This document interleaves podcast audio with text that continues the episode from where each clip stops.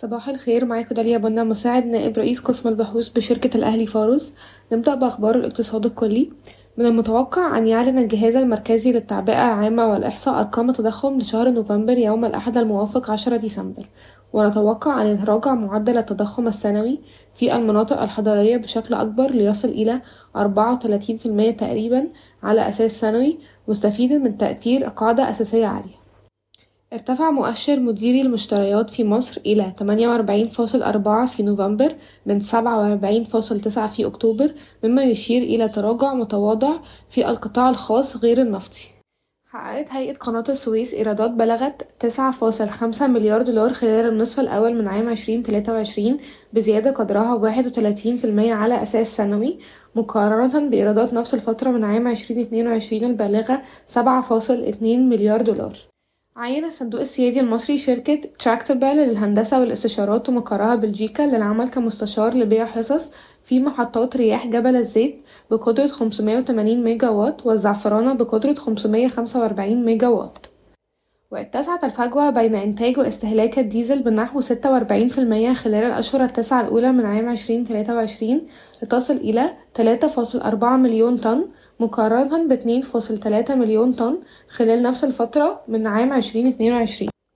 وقعت شركة الطاقة K Group ومقرها الإمارات العربية المتحدة مذكرة تفاهم على هامش مؤتمر COP 28 مع شركة استشارات الطاقة والهندسة الإيطالية ساسي لتطوير خط كهرباء تحت البحر يربط مصر بإيطاليا.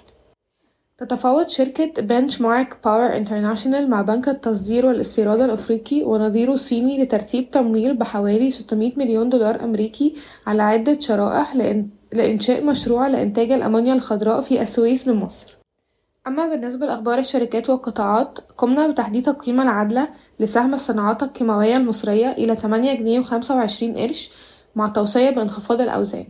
قيمتنا لا تشمل مشروع الشركة المستقبلي في أسوان ويتم تداول السهم حاليا عند مضاعف ربحية للسنة المالية عشرين تلاتة وعشرين عشرين أربعة وعشرين حداشر فاصل تلاتة مرة.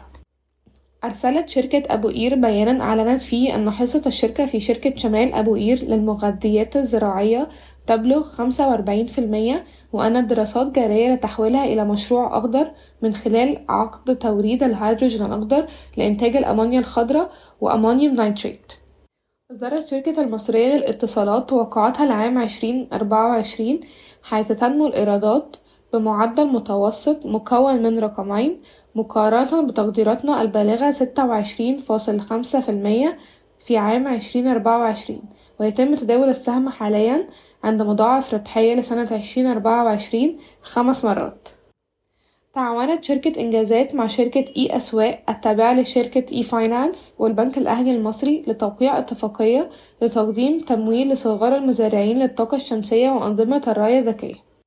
أكملت شركة درايف التابعة لشركة جي بي كورب طرحها الرابع لسندات التوريق بقيمة واحد فاصل أربعة مليار جنيه سيتم استخدام عائدات الصفقة لتخفيض الميزانية العمومية لشركة درايف لتحسين وضع السيولة لديها وإنشاء حدود اقتراض جديدة مع البنوك المقرضة ودعم خطط النمو المستقبلية للشركة.